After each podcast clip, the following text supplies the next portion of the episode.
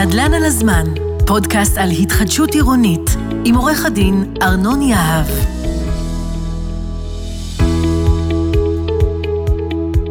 שלום לכם וברוכים הבאים לפרק נוסף של נדל"ן על הזמן, איתי עורך דין ארנון יהב, שותף מנהל במשרד יהב השותפים. בפודקאסט הזה אני מדבר עם דמויות בכירות ומשפיעות בתחום ההתחדשות העירונית. יחד אנחנו מפרקים ומרכיבים את השלבים הקריטיים בהליכי התחדשות עירונית. בפרק הזה נבין מהו תפקיד היועץ החברתי, איך נבין על האינטרסים של כל הצדדים, וגם מה עומד מאחורי ההחלטות של כל השחקנים במשחק. אתם יכולים להאזין לפודקאסט במגוון פלטפורמות, באפליקציה ובאתר רדיוס 100 FM, וגם ב Spotify, ב Apple Podcast וב Google Podcast. פשוט חפשו נדל"ן על הזמן. בפרק הזה נתמקד ביועץ החברתי, ואני מארח ושמח לארח את עידו קליינברגר, מגשר מומחה ליישוב סכסוכים, מייסד Street Light, הארגון היחיד שמתמחה בהכשרת יועצים חברתיים שמוכר על ידי המדינה. קליינברגר יסביר מה קורה בשטח ואיך בעזרת הליכי גישור או שימוש ביועץ חברתי בונים פרויקט כך שהערך החברתי של הפרויקט יותר גבוה והוא פועל בצורה מיטבית וכלכלית יותר. מה קורה, עידו? על הכיפאק, כיף להתארח אצלך תמיד. אני, אני זוכר שעוד עוד באירופה, בירושלים אל-קודס, ישבנו שם, קרוב באמת למכון שם, ו, ובפעם הראשונה, עוד לפני שאנשים באמת הבינו, ישבתי איתך באיזשהו מקום כזה, ואתה מספר לי על... יש דבר כזה, יש דבר כזה, יועצים חברתיים. אז אנחנו, אני מאוד שמח לומר, אתם החלוצים של התחום הזה. אני הייתי שמח שתספר לי איך זה התחיל. אוקיי, okay, טוב, אנחנו לא מתהדרים בזה, אבל uh, בירושלים לפני בערך שבע שנים הוקמה מנהלת להתחדשות עירונית, הראשונה בארץ. Uh, זאת הייתה יוזמה של ראש העיר דאז, שרצה לקדם התחדשות עירונית uh, והבין שהדיירים הם איזשהו חלק חסר בפאזל. הוא הקים את המינהלת, במינהלת היה ראש מינהלת, אחד שאחראי על תכנון ואחד שאחראי, אחת שאחראית על ההיבט החברתי, uh, שהיא היום uh, גם השותפה שלי ב Street Light. אז בעצם היא אה, בהכשרתה עובדת סוציאלית אה, קהילתית, והיא התחילה לעבוד עם התושבים וראתה כמה, איזה פער יש בין אה, כל המעורבים בתהליך, שהם אנשי מקצוע, עורכי דין, מתכננים, אדריכלים, שמאים, לבין התושבים, שהם כאילו שותף במשולש הזה, נכון? אנחנו תמיד אוהבים לצייר את המשולש בין המדינה, היזם והתושבים. ווין ווין ווין. בדיוק. אבל uh, הרבה אנשים אומרים את המושג ולא מבינים מה באמת המשמעות שלו, אז באמת על זה נדבר, זאת השאיפה של היועץ החברתי. אז התושבים אין להם ידע, הם uh, לא אנשי מקצוע, הם בעלי הקרקע אמנם, הם צלע הכרחית בדבר הזה, אבל אין להם ידע, הם uh, מתקשים לקבל החלטות נכונות לפעמים, uh, קשה להם להבין מה הזכויות שלהם, מה מותר להם, מה אסור להם, מה, איך כדאי להם להתנהל, איך לא לעשות טעויות. וזאת אה, פרצה שבמקרה הכי אה, פשוט אה, גורמת לנזק, לירידה של ההצלחה של הפרויקטים האלה, ובמקרה הגרוע זאת פרצה שמנצלים אותה גם גורמים אחרים. אז הרעיון של יועץ חברתי הוא בעצם לעזור לדיירים, לסנגר על הדיירים, להביא להם מידע, לעזור להם לקבל החלטות, לעזור להם להגיע להסכמה ביניהם, כי הרי אנחנו מדברים פה על צלע שיכולה להיות מורכבת מעשרות, מאות של משפחות מכל המגוון הישראלי. אה, קשה מאוד להגיע להחלטות, אז היועץ החברתי מלווה אותם. ובירושלים הדבר הזה אה, נולד דרך אותה מנהלת. אז בירושלים יצאה לנו הבשורה, שבעצם באו וזיהו שיש צלע אחת שהיא באופן מהותי נקרא לזה בחוסר, בחוסר של ידע, בחוסר של פוזיציה, כמובן ברמת התקציבים והניסיון. ברמה המשפטית, כבר הדיירים מוגנים בעסקאות מול קבלן. אנחנו עוד ניגע בסוגיה הזו, זאת אומרת, זו לא הפעם הראשונה, אבל פה לא היה את הדבר הזה. אה, פסיכולוג וכלכלנים אה, קראו לדבר הזה ליברליטריאן פטרנליזם. זה איזשהו פטרנליזם שהמדינה באה ואומרת, אנחנו נעזור לכם. אנחנו נגיד לכם איך אתם יכולים לממש את המטרות שלכם עצמכם. ההגנה הזו לפעמים מתקבלת בטוב, לפעמים פחות, אבל המטרה מאחוריה, בסופו של דבר, היא לעזור לאנשים להגשים את המטרות של עצמם. גם להגשים קצת את המטרות האחרות, ופה השאלה שלי היא, אה, יש גם עוד תפקיד ליועץ החברתי, יש לזה חלק בתכנון. איפה זה שם? שאלה מצוינת. אז אה, היועץ החברתי מלווה את הדיירים בכמה היבטים. אחד, זה באמת ההתארגנות שלהם עם עצמם קודם כל, אנחנו נרחיב על זה עוד מעט. אה, אחר כך, איך הם מגנים על עצמם משפטית, וזה החלק שבו אה, פוגשים את העורך דין ובוחרים עורך דין שמייצג את הדיירים. אחר כך יש את הנושא של ההתקשרות עם היזם, אבל אני מזכיר, אותו משולש, איך המדינה בעצם מפקחת היום על תהליכי התחדשות עירונית? דרך הליך התכנון. זה, זאת הזרוע העיקרית שהמדינה מעורבת ומפקחת על התהליך. אה, עכשיו, אנחנו רגילים שמי שמוביל את זה זה היזם, הוא זה ששוכר את האדריכלים. אבל, אבל זה פרויקט חברתי. נכון? כל הזמן אומרים, פינוי-בינוי זה פרויקט חברתי. איך זה בא לידי ביטוי? אז אה, כולם אומרים שזה פרויקט חברתי, לא כולם יודעים לפרט מה זה באמת אומר. אה, אז נחזור רגע להקשר התכנוני. מה זה אומר פרויקט חברתי בהקשר תכנוני? לתושבים שגרים במתחם יש ערימה שלמה של צרכים שאפשר לממש. פרויקט התחדשות עירונית זה תיבת אוצר שאפשר לממש בה חזונות ורעיונות ו... בדרך כלל אה, ליזמים ולמערכת זה נוח שזה מסתכם ב-12 מטר, 25 מטר, מרפסת, חנייה, אנחנו מכירים את כל הנאומים האלה. אפשר לעשות פה מיליון דברים שהם מאוד זולים למערכת, הם נכנסים לתקציב בלי שום בעיה, ו... הם אה, נותנים מענה הרבה יותר עמוק למה שהתושבים האלה צריכים, וסתם אני אזרוק לך איזה דוגמה, אם אתה רוצה. שוב. אמ, אז אחד הדברים החשובים שעושה אה, יועץ חברתי זה כותב נספח חברתי. היום בכל מתחם פינוי-בינוי מוגש נספח חברתי, זה אחד ממסמכי התוכנית. אין תוכנית בלי זה. אין דבר יועץ כזה. חברתי הוראה של חייב להיות התכנון. בפרויקט. נכון. יפה מאוד. ומה יש בתוך הדוח הזה? אז בגדול. המטרה של הדוח, יש לו שני חלקים חשובים. החלק הראשון זה לספר מי הם התושבים, מי גר שם, מה הסיפור שלהם, איזה קבוצות יש בתוך הקהילה הזאת, זה אף פעם לא הומוגני. יש קבוצות כאלה, יותר עשירים, יותר עניים, יותר מבוגרים, יותר אשכולות צעירים. סוציו-אקונומיים. יש אשכולות, יש יכולת הכנסה, יש... אה, אה, אז לספר את הסיפור ולראות מי האנשים, והחלק השני זה להמליץ איך לשפר את התוכנית עבורם. גם מבחינה תכנונית, איך לתכנן יותר נכון עבור הקהילה שנמצאת שם והקהילה העתידית שתהיה שם. איך אה, לתת אה, מענה יותר טוב לצרכים של התושבים בתהליך עצמו, איך לעבור את התהליך יותר נכון. אה, אני חושב שנגעת פה במשהו קריטי, שאני לא חושב שכולם מו- מודעים. בפרויקט של פינוי-בינוי, יש יועץ ספציפי שהתפקיד שלו להסתכל על המרקם החברתי ואיך התוכנית משפרת את מנת חלקם. מי הם, מה הם, ואיך אנחנו יכולים בעצם לוודא שדואגים להם. לא מדובר פה על איזשהו אה, טיוב, גנדרון, אה, גנטריפיקציה כזו או אחרת, שבאים ואומרים, עכשיו השווי של הקרקע 10, אני רוצה שיהיה 30, ואתה יכול, אתה יודע, ללכת לאיפשהו. לא, יש פה באמת חשיבה על איך הפרויקט מטיב לא רק עם הרשות, לא רק עם היזמים, אלא לבעלי הקרקע, ובלב של העשייה הזו, יושב עידו. אז חוץ מהתוכנית הזו, מה קורה, אה, מה קורה בשטח? נגעת לרגע בסוגיה של ההתחלה. מה, ה, ה, לפני שמגיעים לשלבים של התוכנית, מה המעורבות שמה של היועץ חברתי?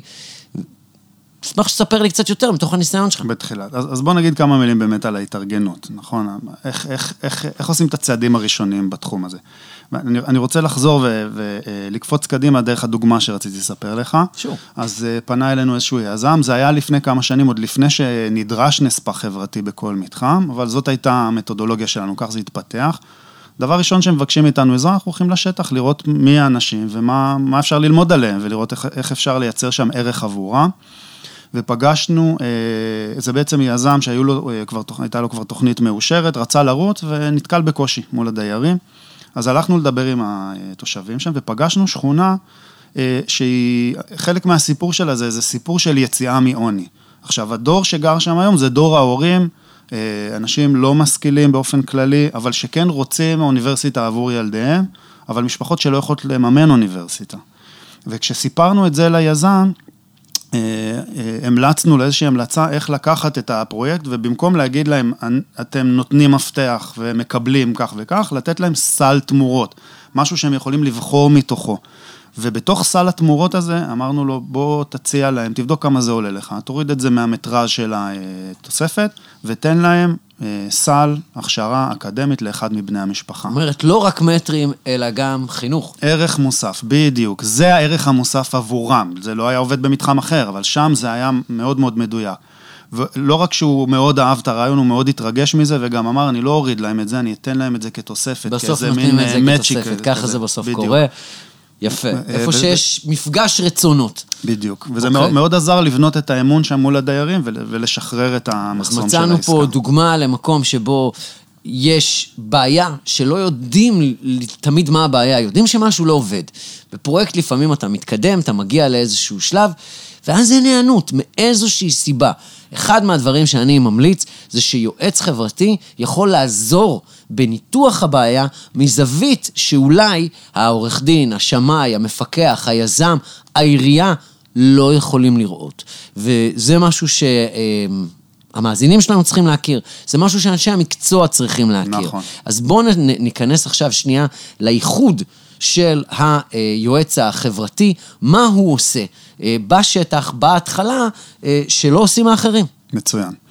אז אה, כמו שאמרנו, המבנה של התחדשות עירונית, יש בו איזה לקונה, בגלל שהתושבים אין להם את הידע, לא יודעים להתארגן, כאילו המדינה, אמרת פטרנליזם, לפני שהמדינה אמרה, אנחנו יודעים מה אתם צריכים ואנחנו ניתן לכם את זה, היא אמרה, אה, הנה, הנה יזמים, הנה תושבים, בואו תסתדרו ביניכם. אה, שכחת את הרשויות, הנה רשויות, הנה יזמים נכון. והנה דיירים. אני גורס אגב שבעלי הבית והיזמים הסתדרו מצוין, זה המדינה שרצתה את חלקה באמצעות הרשויות. הרשויות. אבל, אתה יודע, אנחנו כבר לא שם, זה יתקדם. נכון. אז איפה אנחנו היום? אז, אה, אז דבר ראשון שצריך לעשות אה, כדי שפרויקט כזה יוכל לזוז קדימה, וטמון פה איזשהו פרדוקס, זה מי, מי יוזם את הסיפור, מי יוזם את התהליך, מי מתחיל אותו. מתחמים שעובדים טוב ומתחמים שבהם הדיירים מתארגנים קודם כל בינם לבין עצמם. צריך להכיר את השכנים, צריך להבין מי אנחנו. לא כל פרויקט נראה כמו פרויקט מעבר לכביש, כי האנשים הם שונים, המתחם הוא שונה, התכנון הוא שונה. זה אה, משהו, נגעת עכשיו בנקודה שלהמון אנשים מאוד מאוד קשה לקבל ולהבין. נכון. מישהו שנמצא ברחוב X, לא יודע, חצי קילומטר ממנו, מציאות אחרת, זמן אחר. קשה לאנשים להבין שמה שנכון לשם ואז לא נכון לפה ועכשיו. נכון. זו מורכבות מאוד גדולה, כי זה יכול להיות מאוד מאוד קרוב. ציר ראשי, לא ציר ראשי, מוסדות חינוך, לא מוסדות חינוך, והמרחקים יכולים להיות כאלה קטנים. תוסיף לתוך זה את התסבוכת של תמ"א, פינוי-בינוי, פאפאפי. וואו, רוב הזכויות, קשה מאוד להבין למה. איזה סלע יש מתחת לקרקע, איזה אנשים גרים שם, mm, לגמרי. לגמרי, מורכבות יש. אז בתוך המורכבות הזו... אז היועץ מגיע, וקודם כל אה, עוזר לתושבים להתארגן בינם לבין עצמם, ומה זה אומר? זה אומר שקודם כל צריכה להיות איזושהי הסכמה עקרונית שרוצים לצאת לדרך למשהו. אה, ובתוך ההסכמה הזאת, וזה הדבר שתמיד מפתיע אנשים כשאני אומר את זה, צריכים להיות כולם, כולם, גם המתנגדים, גם הזקנים, גם החרדים, גם העולים, הוותיקים והחדשים, כולם צריכים להיות בתוך הרצון לבדוק מה אפשר לעשות. וכשיש הסכמה עקרונית על הדבר הזה, אז אנחנו מונעים את מה שבדרך כלל קורה במתחמים כאלה, וזה שיש מישהו שרוצה לדחוף קדימה, והוא מתחיל לארגן, הוא קורא לעצמו נציגות, למרות שהוא בדרך כלל לא נבחר. ומתחיל לקדם, ומיד אחרי שקמה קבוצת התומכים, אחרי שבוע כמה, כולם נבהלים, וכמה קבוצת המתנגדים, ואחר כך קבוצת תומכי התמ"א, וקבוצה שרוצים עורך דין אחר, וקבוצה שרוצים יזם אחר. במתחמים האלה באופן... אין לי מושג על מה אתה מדבר. כן, זה קורה רבות, בהרבה מאוד פרויקטים, מה שאתה מתאר זה קורה רבות. זה, ומה אתה מציע? הדינמיקה הטבעית היא התפלגות, ואנחנו רוצים בדיוק את ההפך. אנחנו רוצים שכולם יגידו, אנחנו רוצים ביחד לבדוק מה אפשר, ולהקים נציגות, הבנתי שהיה פרק על נציגות. אה, לקיים תהליך שבו מייצגים את הרצונות ואת הצרכים של כולם. אז אנחנו מתחילים בלהבין מי הם האנשים ומה הם רוצים ומה הם צריכים. הדבר השני אה, שמאוד מאוד חשוב אה, להתקדם איתו זה ללמוד, לרכוש ידע, ללכת, יש קורסים של הרשויות המקומיות, יש המון המון מקורות מידע היום טובים באינטרנט. צריך להיזהר שהם לא מקורות מידע שנגועים בכל מיני אינטרסים, כי יש גם הרבה מאוד כאלה, אבל uh, כמו הפודקאסט הזה, כמו פודקאסטים אחרים, כמו uh, מקורות מידע של הרשות להתחדשות עירונית, ללמוד את התחום ולהבין מה צריך לדעת בשביל לקבל החלטות. הדבר הבא, הוא צריך uh, לזכור עורך דין. התקשרות עם עורך דין היא דבר מאוד חשוב, מאוד בסיסי. זה תהליך שחשוב מאוד שיקרה בשלב מוקדם ככל האפשר, באופן שקוף, שכל הדיירים ירגישו שהוא עורך דין שמייצג אותם. אה, אני מכיר הרבה מתחמים שהנציגות בחרה עורך דין דיירים, הדיירים לא כל כך ידעו, ואחר כך כשהוא בא אה, להגיד, אני מייצג אותך, אמרו לו, אנחנו לא יודעים מי אתה בכלל. אה, אני לא מרגיש שאתה מייצג אותי, ואם אנשים לא מרגישים שהעורך דין מגן עליהם, זה פער שקשה מאוד... אני רוצה לרגע להרחיב את הנושא הזה. קיים עדיין פער בשוק. אנשים חושבים שיש תשובות לשאלות, והאמת היא שזה יותר גישות. יותר גישות ויותר התאמה של מקרים. אבל אפילו ב- במסמכים של הרשות הממשלתית ובמנהלות השונות, אני רואה פער אה, בין תפיסות שמדבר על הנציגות היא רק גורם ממליץ, הכל מחליטים הדיירים, ואז הנציגות חלשה, הדיירים חזקים, והתהליך לא זז, כי כל דבר צריך לחזור לכל גוף הדיירים, והם מתעייפים ומבלבלים להם את המוח וזה לא זז ונתקע. לעומת הקיצון השני, שבו הנציגים עושים הכל, לא מעדכנים אחורה, רצים אחריי לצנחנים, מסתכלים אחורה ומבינים שהם לבד על הפיסט. אין שם אף אחד. אז, אז יש פה התאמה ואיזונים. איזונים ובלמים, כן? זה לא, לא המצאנו יותר מדי פה, אבל המטרה פה היא, העורך דין מאוד יכול לעזור לכם לעשות את זה, היועץ החברתי יכול לעזור לכם לעשות את זה על ידי ניתוח מעמיק, והטיפים שלנו אליכם, גם לאנשי המקצוע, תכניסו את זה, וגם אה, למאזינים, האחרים שהם לא אנשי מקצוע, דעו לכם שמישהו, יש מישהו שזה תפקידו וניסיונו, או ניסיונה כמובן, לנתח את המארג החברתי של האנשים ולעזור לכם להתאחד ולהשמיע את כל הקולות. דיברנו, היינו עכשיו בבחירת העורך דין. מה אתה ממליץ אה, כשזה בא לבחירת עורך דין? מצוין. אז אה, בבחירה של עורך דין צריך להגיד כמה דברים. קודם כל, יש גם, אמרת, יש כל מיני גישות לגבי תפקיד הנציגות, יש גם כל מיני גישות לגבי תפקיד העורך דין. אה, יש עורכי דין שאוהבים מאוד מאוד להיות במרכז העניינים. אוקיי? שוכרים את שירותיהם, הם מגיעים, נכנסים לחדר, אומרים, חבר'ה, הגעתי. כולם לזוז הצידה, אני עכשיו דוחף את התהליך קדימה. יש נציגויות ומתחמים שזה מאוד מתאים להם, הם רוצים שמישהו יוביל את זה עבורם, ויש כאלה שעדיין רוצים להיות יותר מעורבים, ולהם זה פחות מתאים. יש עורכי דין שרואים את עצמם כסוג של אה, יועצים. אתם מובילים, כל מידע אני אביא לכם, כל קבלת החלטות אני שם לצדכם, אבל זה פרויקט שלכם, אתם אחראים, אתם מובילים. יש עורכי דין, אה, שלדעתי זאת הגישה הכי פחות מתאימה באופן כללי להתחדשות עירונית, שאומרים, חבר'ה, אני יועץ משפטי. אני באתי לעשות משא ומתן, כל העניינים המסחריים זה ביניכם לבין היזם, אני לא לשכת הסעד, אל תבואו אליי לייעוץ, אל תבואו, אל תדפקו לי בדלת, אל תקשרו אליי, אני עושה משא ומתן על ההסכם. זאת גישה שמותירה את הדיירים, לצערי, עם פער מאוד גדול בין מה שהם צריכים מהעורך דין שלהם לבין מה שהם מקבלים, זה, זה לדעתי הגישה הכי פחות מתאימה. עכשיו, נגיד שתי מילים על איך לבחור את העורך דין הזה, אז חוץ מלעשות איתו תיאום ציפיות ולראות שבאמת הוא סוג העורך דין שאתם רוצים, אה, צריך להגיד מילה על המורכבות של הנושא של ניגוד עניינים. בתוך... ניגוד עניינים. טוב, אני צריך ללכת. אוקיי. אה, אז בעולם של התחדשות עירונית נהוג אה, שהיזם מממן את הכל. הוא מממן גם את השירותים שמקבלים הדיירים. בפרויקטים יזמים הוא גם מממן את היועץ החברתי, אני יכול להגיד שזה מייצר מורכבות אה, לא פשוטה, בהקשר של איך מייצגים את הדיירים, כשמי שמשלם לך זה מי שנמצא מצידו השני של המתרס במשא ומתן. בלי להיכנס לסוגיות האתיות היום, כי אני חושב שאני כן אה, אה, ארצה לדבר עם יושב ראש ועדת האתיקה פה בפודקאסט, מעולה. אבל אה, אה, ספציפית, מה אתה ממליץ בנושא הזה של ניגוד עניינים, אה, שיהיה מעולה. בראשם של בעלי הדירות? אז יש כמה כללים אה, מאוד פשוטים שאפשר להסתכל עליהם. אחד, את מי מייצג המשרד. אה, יש משרדים שמייצגים רק דיירים, יש משרדים שמייצגים רק, אה, רק יזמים, יש משרדים שמייצגים גם וגם, אה, ושם תמיד יש מורכבות, תמונה, תמונה של מורכבות. אז אני לא אומר לא לבחור בהם, אני אומר, זה נושא שצריך לדבר עליו, זה נושא שצריך לפתוח אותו איתם, ולראות איך הם מונים על זה. אם הם פותרים אותך כלאחר יד ואומרים, אין בעיה, אני לא עובד עם אלה ואני לא עובד עם אלה, זאת, אותי זו תשובה שלא מספקת. צריך, צריך להבין את הדבר הזה לעומק. זה דבר שמייצר מורכבות. זה, תחשבו על זה שכשאתם אה, אה, מייצגים אתכם מול יזם, זה יזם שהם לא יכולים לעבוד איתו. אה, זה יכול להיות חברה ענקית. עכשיו הפרויקט שמונה שנים קדימה, מה, הם לא יעבדו עם אחת החברות הכי גדולות במשק, זה פיתוי מאוד גדול.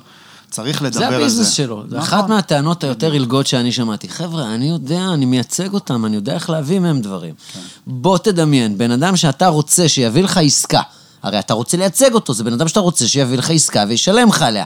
אתה עכשיו יכול להיכנס בו, ועשר דקות אחר כך להגיד, אתה יכול להביא לי עוד עסקה שאני אייצג אותך ב-20 מיליון שקל?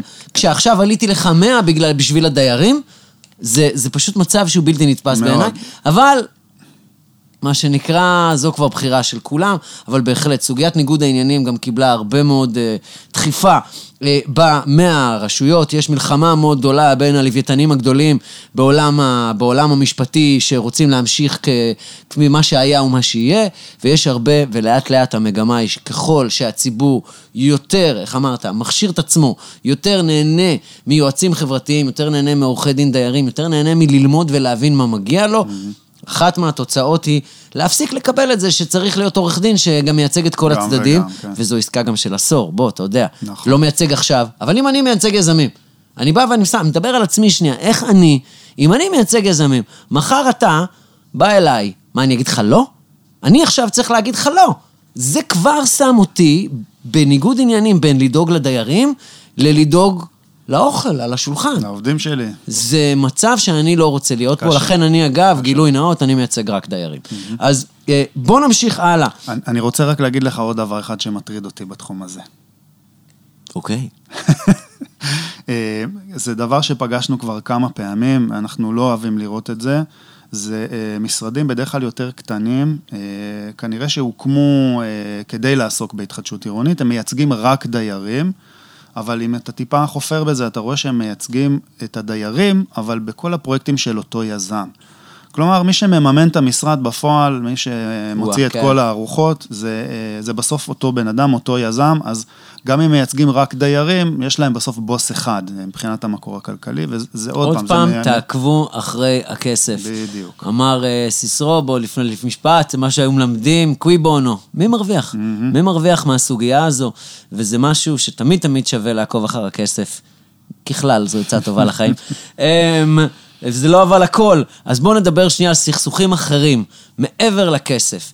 יש משהו שאני ראיתי כבר, וזה, וזה כמעט כמו קסם. וזה ל- ל- למצוא, כי דיברנו על גישור וייעוץ חברתי. בוא שנייה נ- נ- ניכנס לחיבור הזה שבין גישור לייעוץ חברתי, מצוין. והלא מדובר על סכסוכים.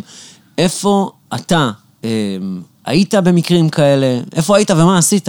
איפה היית? ספר לי. אה, אז אני מסתכל על התחדשות עירונית כמשא ומתן אה, אחד ארוך ובלתי נגמר, מרובה משתתפים, מרובה... רק התחלנו את השבוע, בוא, כן, אוקיי. אז זה ארוך ומגיע ובלתי נגמר. כן. אה, אז אה, כן, אנשים נוטים לחשוב שיש איזשהו משא ומתן, נחתמת העסקה ובזה נגמר הסיפור. לא, זה, זה יחסים... אותי. יח... כן. הרבה אנשים חושבים ככה. כן. יש פה יחסים ארוכי טווח. יותר מטריד כשהיזמים חושבים ככה, נכון. בעיקר אלה שלא עשו התחדשות עירונית קודם, ומגיעים מההרגלים שלהם בקבלנות, ו- ויכולים להיות דור שלישי קבלן, ואומרים, מה זאת אומרת, יש לי חוזה. גוד לק, אתה יודע, אתה והנייר שלך. בדיוק. בסוף אה, היו לא מעט מקרים, לא רוצה לחזור למלחמת העולם השנייה, ומי שחשב שיש לו חוזה ומה זה עזר לו, אבל בוא פשוט נאמר שבסופו של דבר, עוד פעם, בגלל שמדובר פה באנשים, ולא ב... אנשים להבדיל, אנשים אה, הדיוטות מן המניין, להבדיל מאנשים שחיים ועוסקים בנדל"ן יום-יום, יום-יום, אז יש מצב ש... שהם לא יודעים. הדבר השני שקורה זה שאני לא יודע אם שמת לב, אבל דברים לא, לא תמיד נשארים אותו דבר במדינת ישראל. אז החוק משתנה, המציאות משתנה, ואני יכול להבטיח לך, חוזה, אפילו מומחה כמוך, אפילו כמו המשרד שלי, שעשה חוזה לפני עשור, האם הייתי עושה אותו אותו דבר היום? בטח לא בתחום של התחדשות עירונית. ברור שלא. חוזים, ואם אה, כן, אז משהו לא בסדר. אתה מבין? כי התחום התקדם. אם אני עדיין עושה את אותם דברים שעשיתי לפני עשור ולא השתפ- השתפרתי, אני רואה בזה כישלון. אז הדבר הזה יפה גם להתחדשות עירונית, אבל איך זה פוגש את ההתחייבויות? אז אה, אני אתן לך אה, דוגמה מתוך סיפור אה, שאני אוהב לספר, זה אה, דיון שהתקיים במשרד השיכון לפני כמה שנים, בדיוק לפני הקמת הרשות הממשלתית. רצו להקים את הרשות להתחדשות עירונית וזימנו כל מיני אנשים שפעילים בשטח בתחום כדי להבין איך להקים את ה... איך, איך לנהל את הדבר הזה. והשאלה המרכזית הייתה, האם אה, להקים גוף מרכזי אחד או להקים מנהלות, לפזר את זה אה, ברחבי הארץ, וכולם אמרו, כל המעורבים, שצריך לפרק את זה כי, לישויות מקומיות, כי התכנון נראה בכל מקום אה, אחרת. ישב שם סמנכ"ל של אחת מחברות הבנייה הגדולות במשק, והוא אמר, תראו, אנחנו התחלנו את ההתחדשות העירונית, ראינו שיש פוטנציאל, אה, עשינו בירורים תכנוניים, הלכנו לשטח, פגשנו תושבים על הקרקע, אי אפשר לעלות עם טרקטורים, יש שם אנשים, אנחנו לא יודעים לעבוד עם זה. אה, ואנחנו מבינים שזה לא עובד עם הכלים הרגילים שלנו, של שיווק ומכירות, וצריך, אה, השוק צריך להבין שיש פה שחקן חדש, שלא היה בעולם הנדל"ן קודם, וזה מביא אותי למקום של גישור. אנחנו בגישור עובדים עם אינטרסים. צריך להבין את האינטרסים של כל הצדדים כדי שיהיה ווין ווין אמיתי. ווין ווין זה לא פשרה, ווין ווין זה לא הצלחנו להסכים. ווין ווין זה מצב שבו אני, הדייר, ואתה היזם, ואתה הרשויות, אנחנו נאבקים ביחד כדי שכולם ירוויחו כמה שיותר. אה, זה וואו, הווין מה שאתה אומר עכשיו כל כך... מצד אחד חשוב, לצערי, הדבר הזה אה, עדיין רחוק. עדיין רחוק. נכון. המציאות, מעבר להתחדשות עירונית, היא לעיתים קרובות כזו של שמיכה קצרה, ותפיסה של אין מספיק לכולם. אנחנו לא ב- בתפיסת שפע. משחק סכום אפס. אנחנו במשחק סכום אפס, בסקרסיטי, לא יודע בדיוק. רבים על משאבים, מתחרים. בדיוק, אז התחרות המשאבים אומרת, אני מקבל על חשבונך, ואנחנו אם שנינו אתה נקבל על מנצח, אני חשבונו. מפסיד. חד וחלק, ועכשיו עשית איזשהו רגע שחשוב מאוד, הפרויקטים, בסופו של דבר, יש לך את הפרויקטים הטובים שממומשים, והפרויקטים שעדיין רבים על uh, מי יקבל אחוז לפה, מטר לשם. נכון. אז, אז uh, אני כן מאוד מסכים איתך, ואני חושב שזה משהו שחשוב מאוד להדגיש uh, בתוך, ה, בתוך המציאות הזו. תתייעצו ביועצים חברתיים, תבינו שכולם עובדים ביחד, תבינו שהיועץ החברתי יכול לפתור לכם סכסוכים, ושבשלבים ראשוניים כדאי מאוד להתייעץ בו, וגם ככה הוא יהיה. אז אני מודה לך מאוד, למדנו הרבה מאוד היום. תודה רבה. תודה לך. בכיף. תודה רבה לכם שהייתם איתנו, עד כאן הפרק הזה. אתם יותר ממוזמנים להאזין לפרקים הנוספים של נדל"ן על הזמן במגוון הפלטפורמות, באפליקציה ובאתר רדיוס 100 FM, וגם בספוטיפיי, באפל פודקאסט, בגוגל פודקאסט, חפשו נדל"ן על הזמן. בנוסף, אנו מעדכנים בפייסבוק ובאינסטגרם של רדיוס 100 FM כשעולה פרק חדש. אז תעקבו. תודה לצוות שלנו כאן באולפן, תודה לאורח המיוחד שלנו. נשתמע בפרק הבא של נדל"ן על הזמן.